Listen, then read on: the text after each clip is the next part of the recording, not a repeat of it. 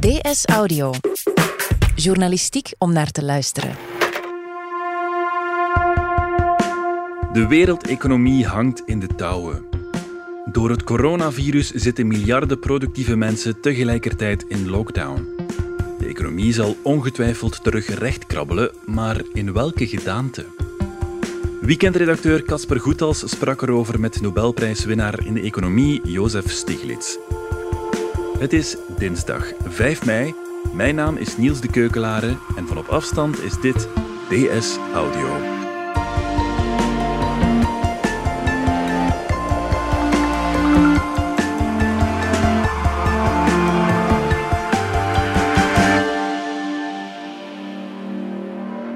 Ik heb begin vorige week gebeld met uh, Joseph Stiglitz, professor aan de Columbia University in New York, die uh, in 2001 de Nobelprijs Economie had gewonnen. Hello, Mr. Stiglitz? Hello? Yeah, I, yeah, I can hear you. Yeah. Okay. You've seen a question list that I forwarded? I have it in front of me now. Right. Ja. Okay. Ik heb Stiglitz twee weken geleden uh, een mail gestuurd. En dat is dan bij uh, een van zijn assistenten terechtgekomen. Uh, en dat heeft geleid tot een heen en weer gemail met een aantal mensen die hem helpen om die vele aanvragen te managen. Ja. En ik had, ik had er ook niet echt op gerekend dat er nog antwoord zou komen. Maar ik dacht, waarom probeer ik het niet? Omdat dat wel de stem is die ik wil horen op zo'n moment. I, I believe very strongly that uh, economics can make a, a very large difference. And I've spent uh, much of the recent years on the issues of development and uh, concern about the disparity between the haves and the have-nots. Stiglitz is een uh, gerenommeerde progressief denker, democraat. En hij heeft in de jaren negentig in de economische adviesraad gezeten van uh, de toenmalige Amerikaanse president Bill Clinton. Hij was ook hoofdeconoom van de Wereldbank. Mm-hmm. De dingen die hij daar heeft gehoord en gezien hebben zijn denken over de wereldeconomie ook wel bepaald, waardoor hij um, in het begin van de jaren 2000 een, een boek heeft geschreven met een uh, kritiek op de neoliberale dominante ideologie van de wereldeconomie. Ja. Hij staat ook wel echt bekend om die kritiek op de globalisering, hè? Absoluut. Dus hij is niet tegen globalisering, maar hij vond dat globalisering te vaak te weinig mensen dient. Hè? Dus dat de rijken rijker worden door de globalisering en, uh, en de armen minder snel. And the fact that much of our global economic system is characterized by a lot of inequities. Zijn boeken zijn ook vaak uh, gebruikt als inspiratie voor politieke protestbewegingen. Mm. Dus hij, hij, hij, wordt gezien als een, als een soort van uh, ja, gerenommeerde criticus die vraagt om een ander soort wereldeconomie. Mm.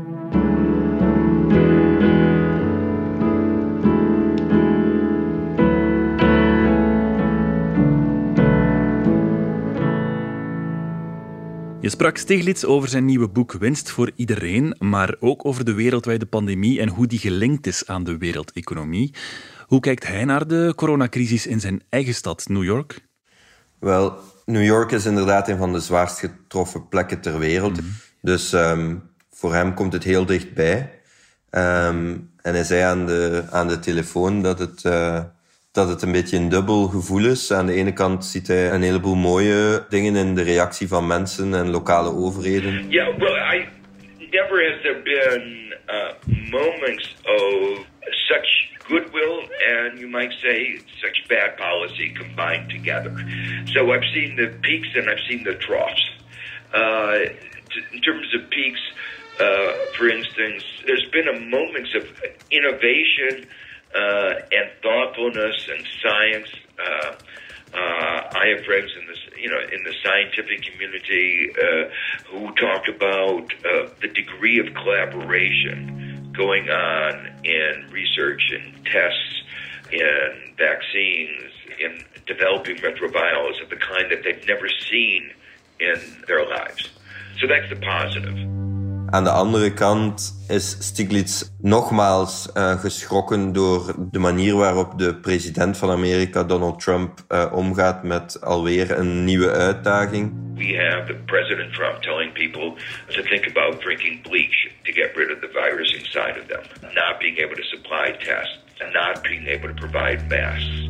Hij schuwt de, de zware woorden daar niet in, noemt Trump ignorant, onwetend en uh, stupid, dom. If you have somebody as ignorant and as stupid as, as Trump as president, you're mm. going to get into all kinds of problems. En een president die onwetend en dom is, zorgt voor uh, chaos, uh, voor meer problemen. He's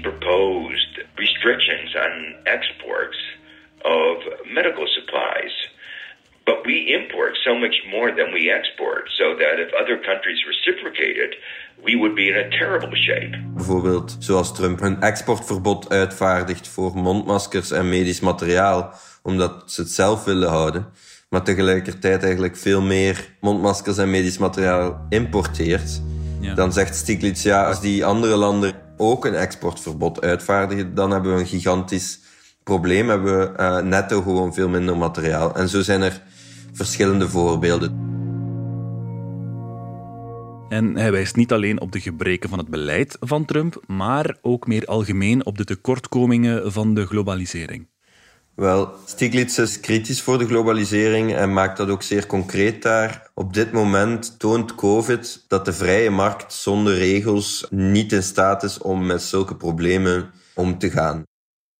I think everybody recognizes, for instance, that markets on their own were not up to the task of protecting us. We turned to government.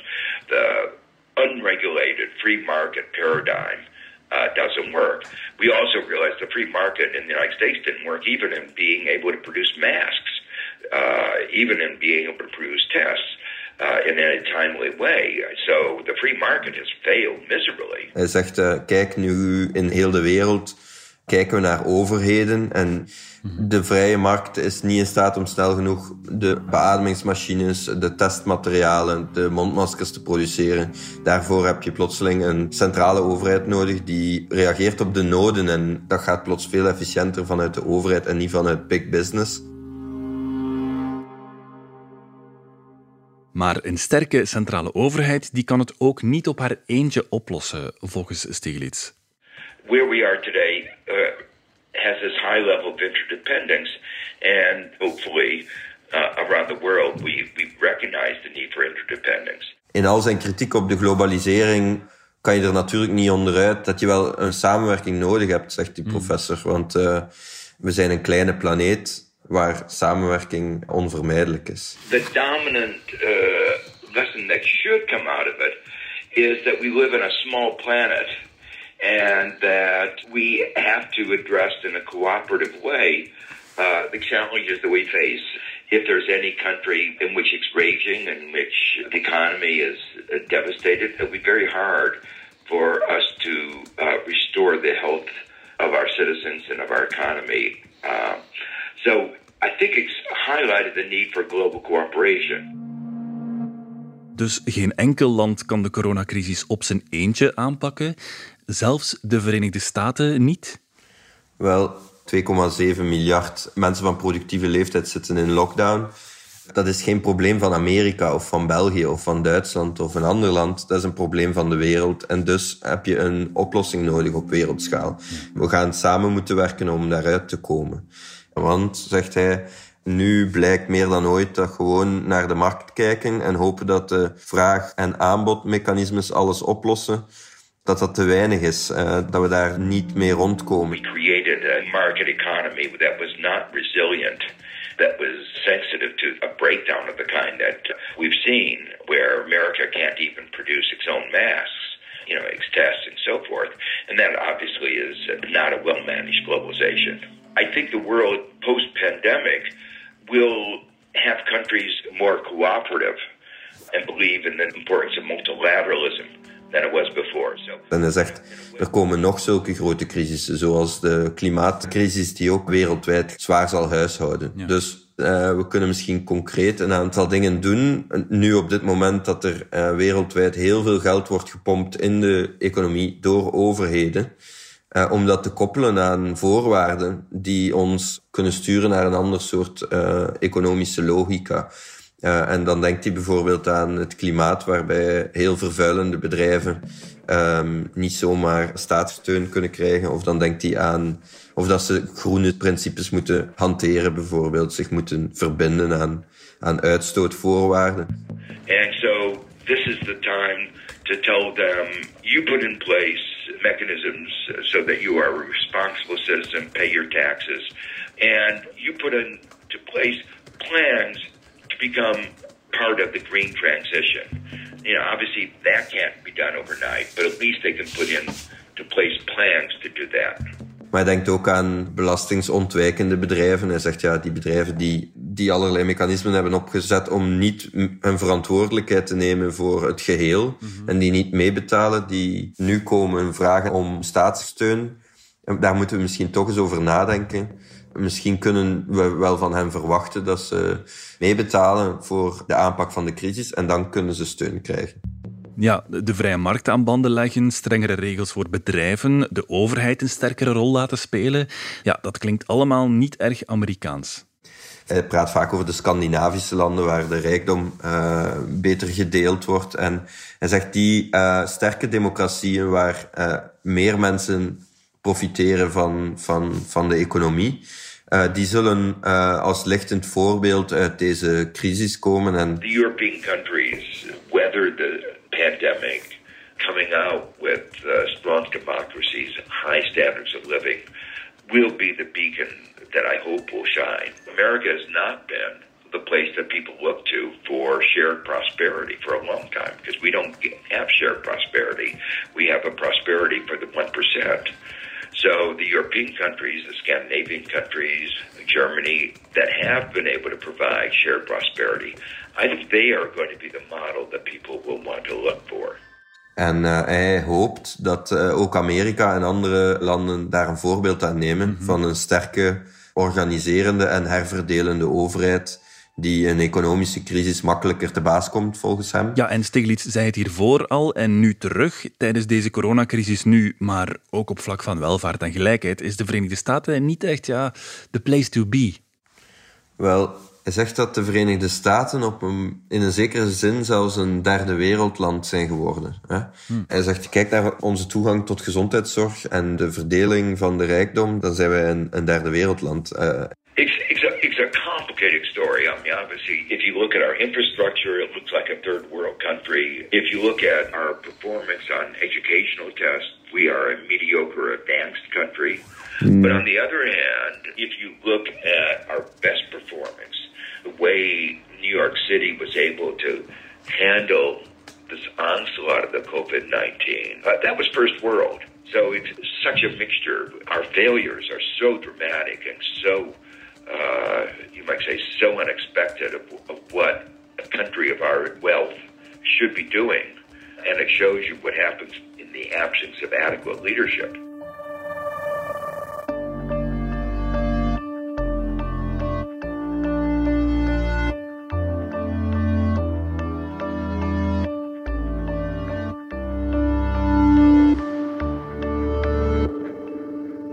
Stiglitz pleit dus voor een beter gereguleerde markteconomie en striktere voorwaarden voor bedrijven die ook staatssteun willen genieten. Maar om dat mogelijk te maken, moet Trump in november wel de presidentsverkiezingen verliezen, zo zegt hij. Hij heeft een dubbel gevoel. Stiglitz is een linkse professor. Hij bevindt zich in het kamp van de Democraten. En hij slingert eigenlijk uh, van positieve naar negatieve verbazing in deze crisis. Hij denkt aan de ene kant dat de reactie van mensen verwonderlijk positief is, heel solidair. Hij is onder de indruk van hoe mensen samenkomen, van het grote geloof in wetenschap dat toeneemt, uh, dat er een steeds grotere meerderheid van de Amerikanen universele gezondheidszorg wil. Maar aan de andere kant is een president Trump die voorstelt om jezelf te injecteren met bleach, met bleekwater.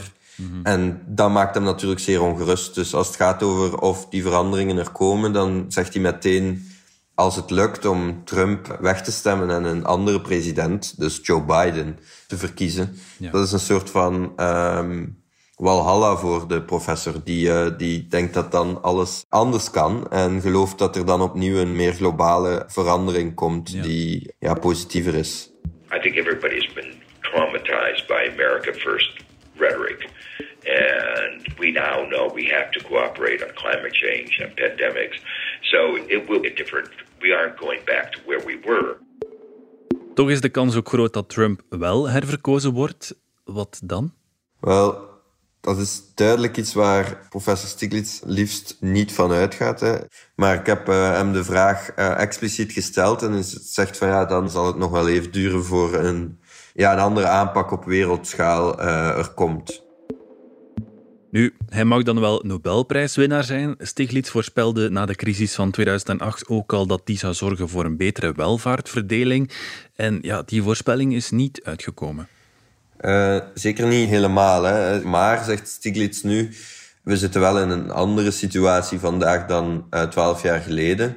We hebben toen daar heel wat uit geleerd. En een heleboel mensen die nu voor de eerste keer gaan stemmen in de Verenigde Staten bijvoorbeeld, hebben over die economische crisis geleerd als uh, iets uit de geschiedenisboeken. Iets wat je vooral niet wil herhalen en eisen een ander mhm. soort wereld en een ander soort economie. En hij gelooft dat er zeg maar, bouwsteentjes zijn gelegd met de reactie op de crisis in 2008. En dat nu de, de heldere problemen uh, kunnen leiden tot een reactie. Uh, we gaan niet terug naar, naar waar we ooit waren, zegt hij.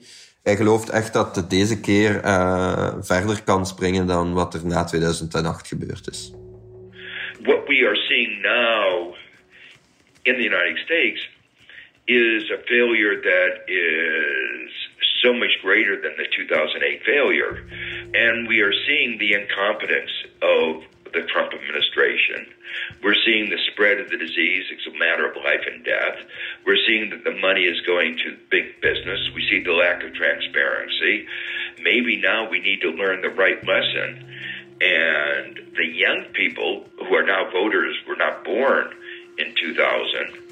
They're getting the story and they're getting the the uh, uh understanding uh, almost as if it were a history book of where we failed in 2008.